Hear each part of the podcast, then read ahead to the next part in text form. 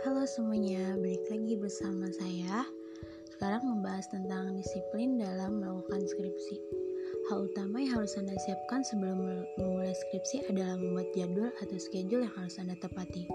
Hal ini menjadi sangat penting untuk dijadikan pedoman karena terkait dengan pertanyaan, berapa lama sih Anda akan menyelesaikan skripsi? Ada beberapa hal yang dapat kita lakukan untuk membuat penyelesaian skripsi kita tepat waktu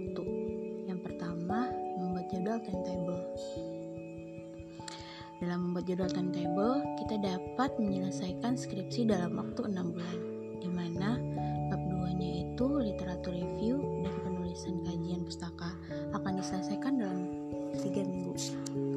Yang kedua, membuat catatan penyelesaian atau progres.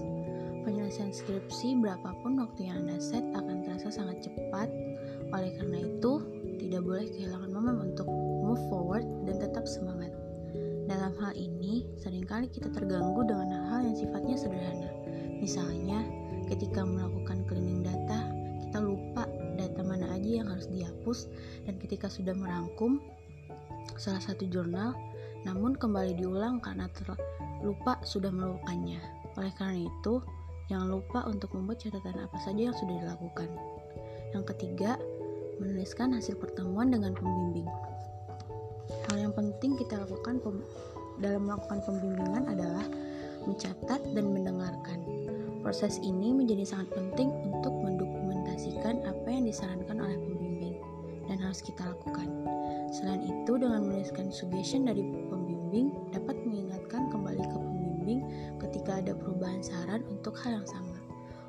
Tentu saja kita tidak ingin disulitkan dengan perubahan-perubahan saran pembimbing yang menyebabkan rencana skripsi kita akan mundur.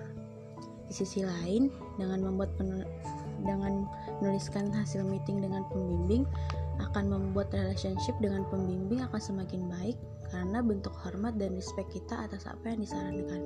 Namun dalam proses pembimbingannya, jika ada sesuatu hal yang kurang pas untuk disarankan, sampaikanlah dengan baik dan elegan tanpa harus merendahkan.